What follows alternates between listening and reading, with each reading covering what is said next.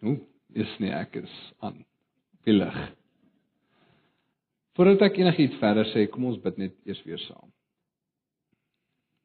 Hemelse Vader, Here, soos wat ons nou net die lof en die eer besing het, Here, wil ons bewus raak van u teenwoordigheid. Ons wil bewus wees van u Heilige Gees se nabyheid. En ons vra u Here dat u vanoggend ter wille van u eer, Here.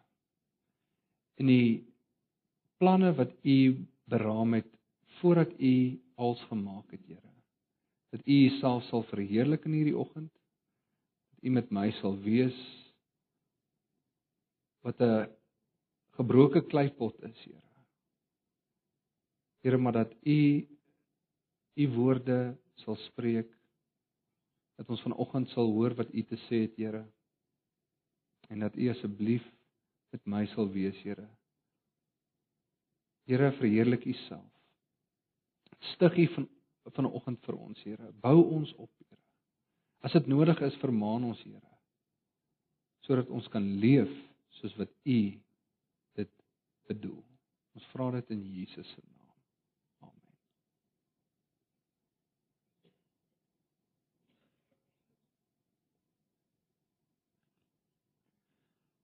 Vir die vir wie ek nou nog nie goeiemôre gesê het nie, goeiemôre.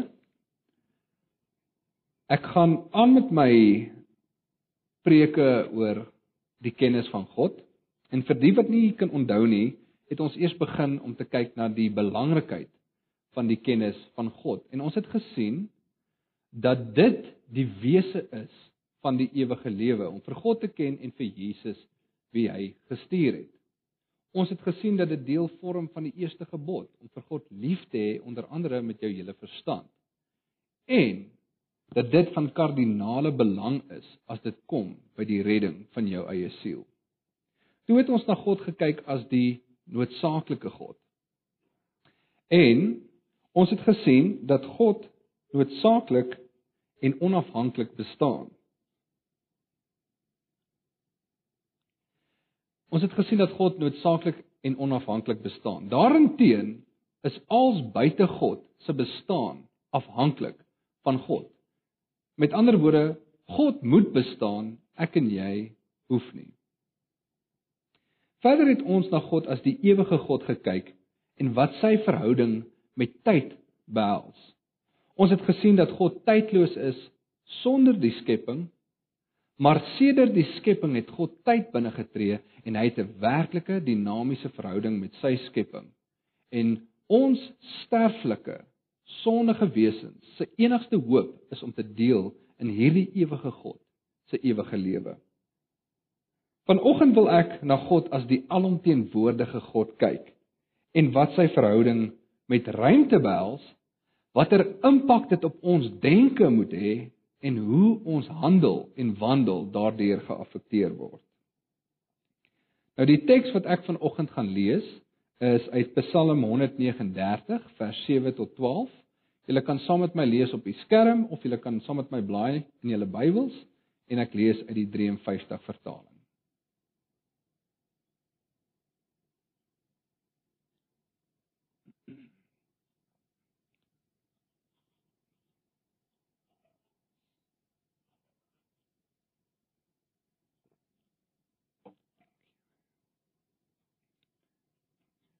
Psalm 139 vers 7.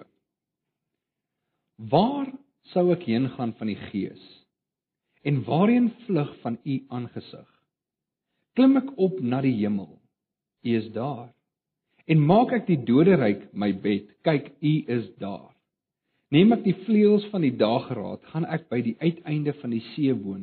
Ook daar sou u hand my lei en u regterhand my vashou. En as ek sê mag tog net die duisternis my oorval en die lig nag wees tot my beskutting, dan is selfs die duisternis vir u nie donker nie en die nag gee lig soos die dag. Die duisternis is soos die lig, net tot daar. Nou verbeel jou jy is 'n geheime toeskouer van mense wat leef in die antieke wêreld. En jy besoek streke wat vandag bekend staan as Europa en Palestina. Iets wat jy gou sal agterkom is dat mense se lewens rondom hulle godsdiens gedraai het oor die algemeen. Elke streek het sy god of gode gehad. Gewoonlik was daar baie. En afhangende van jou behoeftes het jy aan die een god of aan die ander god geoffer of dit nou was vir vrugbaarheid, 'n goeie oes of dalk net blote aansien. Nasies wat in oorlog met mekaar gewikkel was, het tot hulle God gebid en die sterkste God het die oorwinning aan sy mense gegee. Maar sê nou maar jy besoek 'n ander streek, was dit as 'n goeie idee gereken om net in te loer by die naaste tempel, 'n bietjie belasting te betaal aan die streek se God as jy 'n uh, voorspoedige tyd verwag het tydens jou besoek. So hierdie gode was almal hierdie superwesens, maar wie se mag as ook hulle teenwoordigheid beperk was tot 'n bepaalde streek. Nou verbeel jou nou, jy besoek 'n bietjie vir Israel. En natuurlik is dit nie verbasend dat hulle lewe ook rondom hulle godsdiens gedraai het nie, maar daar is iets heel vreemds aan Israel, Israel se godsbeskouing. Eerstens sou jy geen beelde opgemerk het wat veronderstel is om hulle God voor te stel nie. Hulle het geglo God kan nie eers gesien word nie. Hy is nie 'n driedimensionele God nie. Verder het hierdie God van hulle nie 'n ewe knie nie. Hy is die enigste God en hy het al die nasies gemaak en hy het hulle grense vasgestel. En alhoewel hulle vir hom 'n tempel gebou het, het sy teenwoordigheid en sy krag gestrek tot by alle streke. En verbeel jou nou jy stap in hulle koning Dawid se slaapkamer in. Daar waar hy besig is om te bid. En jy hoor hom sê: Here, waarheen kan ek weggaan? Weg van die gees, waarheen kan ek vlug? Weg van die teenwoordigheid. Klim ek op na die hemel? U is daar. Gaan lê ek in die doderyk, ook daar is u. Neem ek die vlerke van die daarraad, gaan woon ek by die einde van die see, ook daar sal die hand my lei, die regterhand my vashou. En al sê ek as duisternis my maar net wil oorval en die lig om my nag word, is selfs duisternis nie vir u donker nie, maar nag skyn so lig soos die dag, is die duisternis soos die lig. Afgesien dat Jahwe nie net 'n blote nasionale God is nie. Is hy ook nie 'n streeksgod nie. So ver soos wat jou denke kan strek, daar is God. Van die hemel tot die hel en die verste plek aan die kant die see, die verste plek wat Dawid aan kon dink. Daar is God. Nou dit is interessant hoe mense in daardie tyd landstreke landstreke bepaal het. Daar in uh, Palestina se woestyn landskap. Hoe weet jy as jy uit die gebied tree van een koning en die gebied van 'n ander koning betree? Wel daar waar die ander koning se gesag en sy mag nie meer op jou beslag kan lê nie. Daar stop sy grense. Daar stop sy jurisdiksie. En nou die vraag is, waar stop God se jurisdiksie? En Dawid probeer aan so 'n situasie dink en hy besef dit is futiel.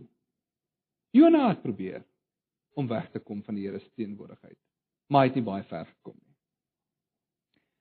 Nou is ons weer terug in 2016. En die moderne wetenskap het ons horisonne so bietjie verskuif. Meeste van hierdie antieke gode is al begrawe en hierdie superheroes se relevantie en hulle populariteit het drasties afgeneem. Behalwe vir Dawid se God. Deur die eeue het manne soos Copernicus, Kepler, Descartes, Pascal, Newton, Boyle, Planck, Leibniz om maar net 'n paar manne te noem met elke nuwe grens wat verower is, God se relevantie ontdek. Nou ons kan vandag aan plekke dink verder as aan 'n kan die see. Maar ons kan nie die gravitasie van God se teenwoordigheid en sy relevantie ontvlug nie. Wat ek vanoggend julle wil aanmoedig is soos om ruimteontdekkers God se onsaglikheid na te speur saam met my en daardeur oorweldig te word en te sien watter impak dit op jou lewe het hier op hierdie klein blou spikkeltjie genaamd aarde. Ons gaan dus eers kyk na wat God se alomteenwoordigheid behels, dan wat dit nie behels nie. En dan gaan ons 'n paar moeilike vrae probeer beantwoord as ons dink aan hierdie konsep. En dan gaan ons kyk na die praktiese toepassing in ons lewens. So kom ons begin eers met 'n positiewe beskrywing van God se alomteenwoordigheid. God is ten volle bewus en aktief by elke punt in ruimte. Daar is geen plek waar sy kennis en sy krag nie strek nie. Nou in Jeremia 23 vers 23 tot 24 lees ons die volgende: Is ek 'n God van naby, spreek die Here, en nie 'n God van ver nie. Sou iemand hom in skuilplekke kan wegsteek dat ek hom nie sien nie, spreek die Here vervul ek nie die hemel en die aarde nie spreek die Here. Nou hier sien ons duidelik dat God nie 'n streeksgod is nie. Met ander woorde, sy teenwoordigheid vul hemel en aarde, met ander woorde die heelal. Maar Salomo gaan selfs verder as dit. As hy die tempel inwy, dan vra Salomo, "Maar sou God werklik op die aarde woon?" Kyk die hemel, ja die hoogste hemel kan u nie bevat nie. Hoeveel minder hierdie huis wat ek vir u bou. So duidelik sien ons dat selfs 'n ruimtelike beskrywing van God se teenwoordigheid kortskiet. God vul nie alleen die hemel en die aarde nie. Nee, die hemele kan hom nie eers bevat nie. Nou, dink 'n bietjie terug aan toe jy op skool was. Nou vir die ouens wat nou hierso nog op skool is, vir die jonges in ons geleedere, sal dit nou vir jou baie vars wees. Die juffrou neem roukol. En jou naam word uitgeroep en jy antwoord hier of teenwoordig. Nou stel jouself voor op enige gewe punt in die heelal word daar roukol geneem en God se naam word uitgeroep. Van hier in Pretoria tot daar ver aanderkant die verste sterrekonstellasie biljoene ligjare hiervandaan af. En daar antwoord hy teenwoordig. Nou in plaas daarvan om ver weg te gaan, word jy baie baie klein. Kleiner as die kleinste insek. Kleiner as die kleinste eensellige organisme. Kleiner as daai proteïenverbindings waaruit daai organisme bestaan kleiner as die kleinste atoom, proton, elektron, neutron, kleiner as die kleinste kwark. So klein dat die naaste atoom so ver weg vir jou voel soos die volgende sterrestelsel en God se naam word geroep en hy antwoord teenwoordig. Met ander woorde, die som totaal van ruimte kan nie eers God se teenwoordigheid uitput nie. Dit wil sê God se teenwoordigheid gaan oor baie meer as maar net blote ruimte. Nou hier kan 'n ander eienskap van God ons help om hierdie beter te verstaan, naamlik dat God Gees is. Dink weer 'n bietjie terug aan Dawid se gebed. Waarheen kan ek weggaan van u Gees? Waarheen kan ek vlug van u teenwoordigheid? sien jy hoe Dawid God se Gees en God se teenwoordigheid uitruilbaar gebruik. God is daar waar sy gees is en daar is geen plek waar sy gees nie is nie. As die Bybel sê God is gees, dan bedoel dit onder andere dat hy nie 'n driedimensionele voorwerp is nie. Hy is nie liggaamlik. Nou dit bring ons by 'n negatiewe beskrywing van God se alomteenwoordigheid. wat God se alomteenwoordigheid nie behels nie. Nou, soms om iets beter te verstaan, help dit nogals om te weet wat dit nie is nie. As ons sê God is gees, is hy nie soos hierdie onsigbare gas wat versprei is dwars deur die heelal nie. Want dit sou onder andere beteken dat hy 'n beperkte volume in beslag sou neem. Ek sou byvoorbeeld kon sê dat ek 'n bepaalde hoeveelheid van God in my koppie het of hier is 'n sekere volume van God in hierdie gebou en die res is buitekant. Dit sou ook onder andere behels dat God nie oral ten volle teenwoordig sou wees nie, want net 'n beperkte hoeveelheid van hom sou op enige gegeewe punt sou wees. Nou dink weer 'n bietjie aan die positiewe beskrywing van God se alomteenwoordigheid. God is ten volle bewus en aktief by elke punt in ruimte. So daar is nie 'n plek waar sy kennis en sy krag nie strek nie. Soos wat ek gesê het, God is nie liggaamlik wie se bewussyn en sy krag nie beperk is nie. My gees aan die aan, aan die ander kant is wel nie liggaamlik nie, maar my bewussyn is beperk tot een punt in ruimte, naamlik my liggaam. Dit beteken ook verder dat die heelal nie God is nie. Soos die panteïste ons wil maak glo en nog minder dat die heelal deel is van God nie. Asof die heelal God se liggaam is nie. Hoekom sê ek so? Tyd en ruimte het 'n begin gehad. God kan bestaan sonder tyd en ruimte, materie en energie. Nou, mense wat redeneer soos hierdie panteïste en panenteïste wil baie graag naby aan God voel. Hulle wil voel God is in hierdie preekstoel, hy's in hierdie stoel, hy's in daardie persoon wat vir my kyk, jy weet dan dink hulle hulle is baie naby aan God, maar God kan nie verder van hulle verwyder wees nie. Hoekom sê ek so? As 'n ou jou aanval met 'n mes, is 'n gedeelte van God besig om jou aan te val. Vir wie gaan jy vra vir hulp? God kan ook net gedeeltelik by jou wees. En volgens hierdie mense is God nie perfek nie want die heelal is in 'n proses van konstante uitbreiding.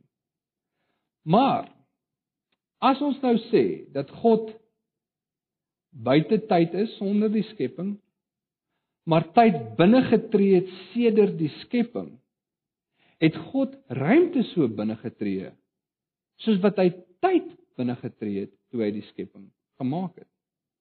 Nie noodwendig nie. William Lane Craig, 'n baie bekende Christen filosoof en teoloog het gesê die skepping is nie 'n ruimtelike daad soos 'n karbotsing wat vereis dat wa waar teen hierdie kar ook al vasry 'n sekere volume of ruimte in beslag moet neem nie.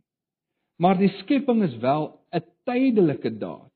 Ietsie wat 'n begin gehad het, 'n t equals 0, 'n genesis. So dis kan ons eerder sê dat sonder ruimte of tyd of materie, enigiets van daai goeters, bestaan God as die som totaal van die realiteit en al wat waar is van daardie realiteit is Jahwe. Maar sedert God se skepingsaksie het ruimte daardie werklikheid betree.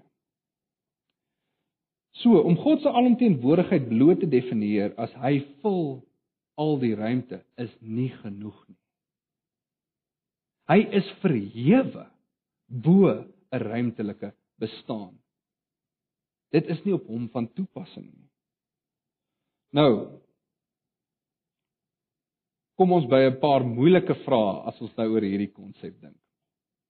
Hoe moet ons dit dan verstaan as ons lees in Eksodus dat God die tempel gevul het.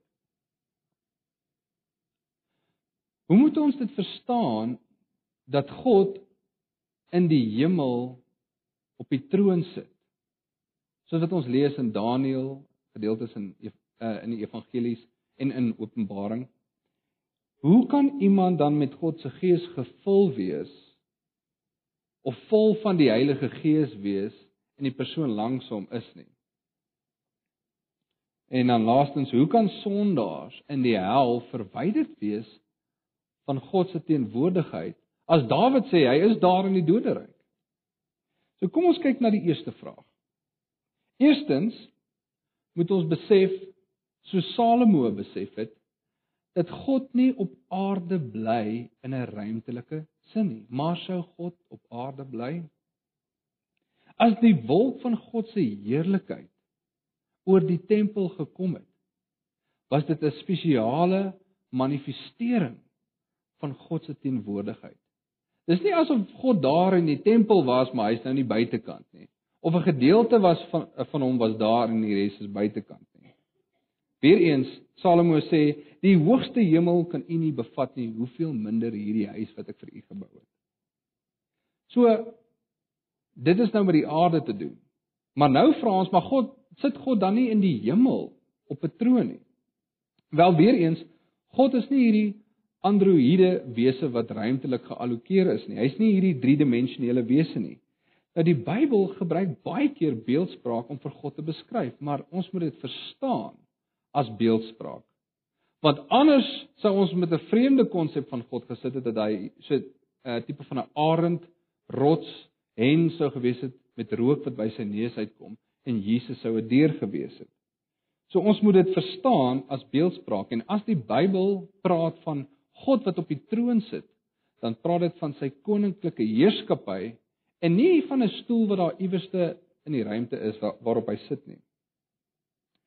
Nou, die volgende vraag, hoe kan iemand gevul word met die Heilige Gees of vol wees van die Heilige Gees en 'n persoon langs hom nie?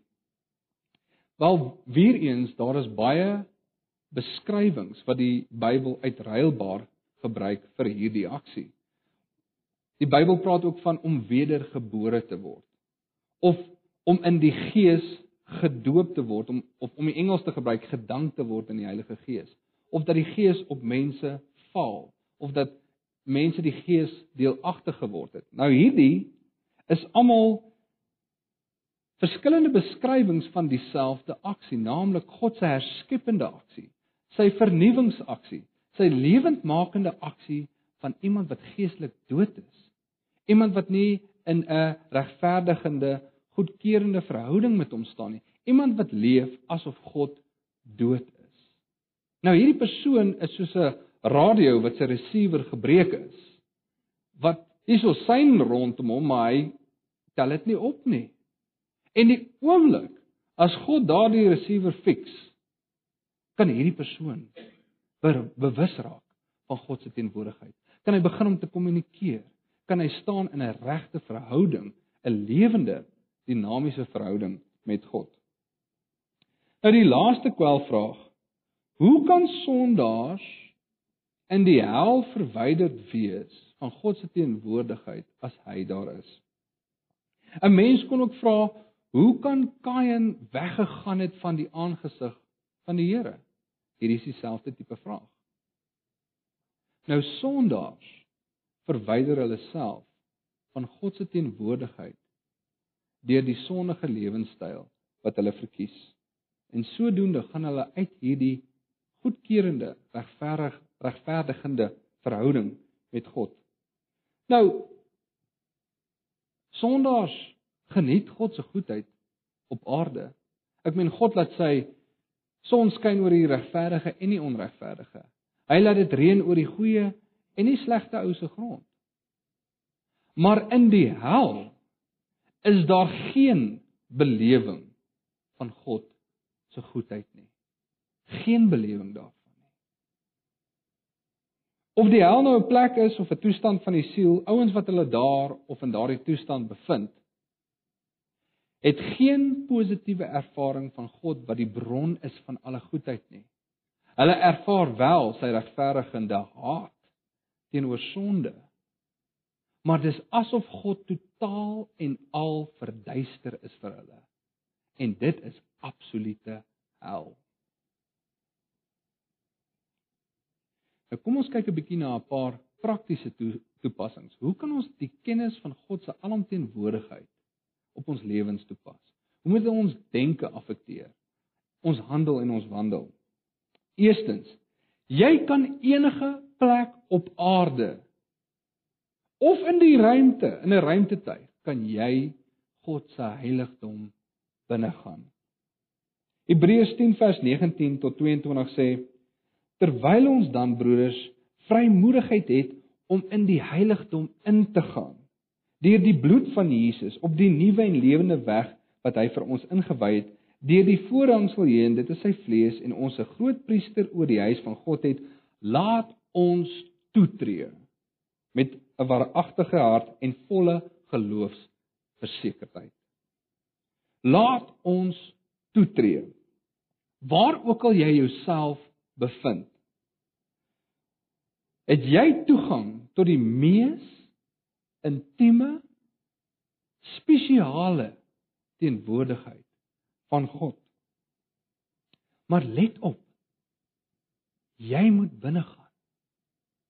Jy moet toetree. Jy moet bewus raak van God se teenwoordigheid.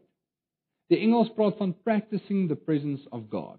Nou hierdie is nie 'n emosionele mistiese opsweping nie. Maar dit is wanneer jy bewus raak van sy teenwoordigheid en sy attribute oordink wie hy is, soos Dawid. En jy jou bewondering en jou emosies kommunikeer aan hom. Dan is jy besig met God. En God is besig met jou. Nou dit is nie nodig om uit sy teenwoordigheid uit te gaan nie. Dis nie nodig om uit sy heiligdom uit te gaan nie. Jy kan jou hele lewe, Christen, leef in die heiligdom. Daar voor die wasbak terwyl jy besig is om skottelgoed te was. Daar by die werk terwyl jy besig is om jou werk te doen. Nou ek sê nie jy moet Bybelstudie dan eers doen nie. Jy moet as jy by die werk is, moet jy werk. Maar jy kan dit doen met die bewussyn dat God vir jou daai krag gee, dat hy hier nou by jou is en jou in staat stel om jou werk te doen asof jy dit vir hom doen.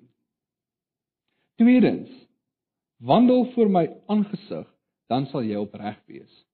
In Genesis 17 vers 1 staan daar geskryf toe Abraham 99 jaar oud was, het die Here aan Abraham verskyn en vir hom gesê: Ek is God, die almagtige wandel voor my aangesig, dan sal jy opreg wees. Nou, om te wandel voor God se aangesig. Nie soos Kain wat daarvan weggedraai het nie, maar soos Abraham wat in 'n verhouding met God gestaan het, is om bewus te wees dat God aktief en betrokke is en bewus is by elke punt in ruimte. Maak nie saak waar jy gaan nie. As jy weet God is met jou, daar voor jou TV-skerm. Hy is met jou voor jou iPad, vir jou smartphone. Daar by jou palace lekker party. Daar by die haarsalon waar die vrouens so lekker oor hulle mans kan skinder. Daar rondom die braaivleisvuur waar die manne se tonge so 'n bietjie los kan raak en 'n dametjie op 'n sekere wyse beskryf. Daar in jou binnekamer selfs in jou gedagtes waar jy dink niemand sien wat hier aangaan nie. Als is oop en bloot voor God. Dit sal beteken dat jy jou lewe anders gaan begin leef. Jy sal opreg wees, sê die woord. Ek meen wie probeer jy flous? God lees jou soos 'n oop boek. Jy kan nie jou motivering en jou intensies vir hom wegsteek nie. Wees maar opreg. Dit sal beteken dat jy dalk nou nie meer na sekere plekke wil gaan nie. Jy dalk nie meer na sekere dinge wil kyk nie. Jy nie altyd wil saampraat saam met ander mense of sekere dinge wil doen nie en dat jy nie noodwendig so oor hom of haar dit of dat wil dink nie. Nou Ek wil so 'n bietjie my sonde hier voor julle bely. Toe ek en Claudia uitgegaan het, het ek gewonder waar moet mens die lyn trek. En ek het eendag vir God gevra. En ek het vir hom gevra oor hierdie grense wat ek nou opgerig het, wat ek nou voel is is heeltemal right so. Waar moet mens nou die lyn trek? En die gedagte kom toe by my op. Hoe sal Claudia se pa voel as hy in die kamer instap en jy vry sy dogter foos? Nou, jy het nou nie Claudia se pa geken nie. Hy was baie ernstig geweest. En met op tye was ek bietjie bang vir hom. En die volgende gedagte kom toe by my op. God is Claudia se eintlike vader. En hy is 24/7 by haar. En hy is onvergelykbaar meer seweer as haar pa. Hoe dink jy sal hy voel as hy sit en toe kyk terwyl jy sy dogter voorsvry? Nou daai gedagte het my 'n bietjie geruk. Dit gaan maak dat jy dinge op 'n ander manier begin doen. Jou kop is soos 'n oop boek vir hom. Hy bestudeer jou gedagtes aandagtig terwyl hy besig is om elke kwark in stand te hou in die heelal. Hy is nou besig met jou. Daar waar jy sit in jou stoel. Wat is in jou gedagtes? Is jy hier of is jy by vanmiddag se se kos of gisteraand se kuier of iets wat in die week gebeur het? Waar is jou belangstelling? Wat gaan aan in jou gedagtes? Jou kop is soos 'n oop boek wat hy aandagtig bestudeer. Soos Dawid gesê het, self selfs die duisternis is vir hom lig. Derdens, dit sal beïnvloed hoe ons bid. Ons bid baie keer, Here, wees met so en so. Nou ek weet ons doen dit uit gewoonte. Ek doen dit uit gewoonte. Here, wees asseblief met so en so. Maar as jy weet God is ten volle bewus en aktief by elke punt in ruimte, dan hoef ons nie te bid, Here wees asseblief met so en so nie, want hy is reeds met so en so. Dit sal ons help om Jesus se belofte beter te verstaan. Matteus 28 vers 20 sê en kyk, ek is met julle al die dae tot aan die volëinding van die wêreld. Amen.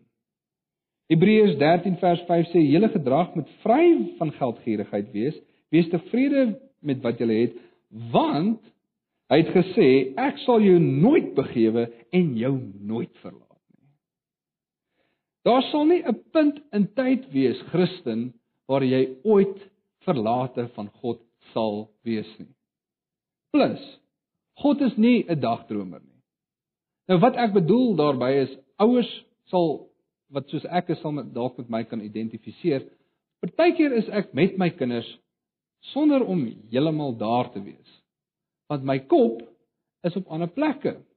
Ek ly baie keer aan 'n gebrek aan belangstelling. Maar God is nie so nie. Hy is ten volle bewus en aktief, maak nie saak waar jy is nie. Die seun van God weet wat in jou lewe aangaan. En hy stel belang. Hy is nie 'n dagdromer nie. So dis as ons bid tot God vir iemand, dan dink ons eerder aan sy behoeftes. Here, sal U asseblief sy finansiële tekort aanvul? Here, die man is depressief, sal U hom asseblief optel? Here, daai vrou is op die verkeerde pad, sal U asseblief haar op die regte pad help? Maar hy is klaar daar by by die persoon by wie jy by wie jou belangstelling is. Maar dink dan net 'n bietjie aan daai stuk in Hebreërs wat ek aangehaal het. Die rede hoekom jy jou lewe vry van geldgierigheid moet hou. Die rede hoekom jy nie moet leef om geld te maak nie. Is omdat hy gesê het ek sal jou nooit begewe en jou nooit verlaat nie. Dis asof die Hebreërs skrywer vir ons in vandag se Afrikaans sê moenie stres oor jou finansies nie. God sal jou nie drop nie, hy is met jou. Hy weet wat jy nodig het. Nou dit beteken dalk nie dat jy finansiële welvaart gaan hê nie. Maar hy gaan vir jou gee wat jy nodig het. En as ons kan begin besef dat God dit is wat ons nodig is, nodig het. Hy daardie goeie is wat ons nodig het. Dan sal ons vergenoegd wees. Soos Psalm 73 sê, Who have I in heaven but you? And there is nothing on earth that I desire more than you. Nou ek wil afsluit met 'n laaste punt van toepassing. Partymaal is ons ook soos daardie ouens in die antieke tyd. Wat oor God dink asof hy 'n streeksgod is. Ons sal dit dalk nou nie so verwoord nie, maar ons voel partykeer so. Partykeer voel dit vir ons asof God ver van ons al weg is. Dalk omdat jy ietsie verkeerds gedoen het, omdat jy verkeerd dink oor God, dalk omdat jy verkeerd dink oor jouself in die lig van God. Ons voel baie keer soos Jairus wat dink dat daar dat tyd en ruimte 'n beperking op God plaas. Here, as U nie nou kom nie en U hande op my dogtertjie lê. Dis hoe ons partymal voel. Maar ons kan weet dat God nie beperk is deur hierdie dinge nie. Dis dan wanneer ons moet stil raak. Stil wees. Soos Dawid in sy binnekamer en dink aan die attribute van God. Wie is hy? Met wie het ons hier te doen? Dink aan die dag, daardie eerste dag toe jy jouself in sy teenwoordigheid bevind het. Toe jy bewus geraak het van sy nabyheid. Was dit omdat jy so hard gewerk het om heilig te wees hierdie lewe? In hierdie week in jou lewe. Het jy hard gewerk daarvoor? Het jy jouself van 'n beswyming opgesaai? En ek wil sê nee. Die Heilige Gees het jou oortuig van jou sonde en van geregtigheid en van oordeel as ook die goeie nuus van Jesus Christus. Jy het bewus geraak van God se teenwoordigheid. Nie omdat jy so hard gewerk het daarvoor maar omdat jy vertrou het in die werk wat hy in jou plek verrig het. So as jy ver voel van die Here af, weet net dat die allerheiligste nie ver weg is nie. Net 'n gebed van bekering en geloof en jy is in daardie mees spesiale tasbare intieme teenwoordigheid van God. God is ten volle bewus en aktief in jou lewe. Maak nie saak waarheen jy gaan nie. Kom ons bid saam.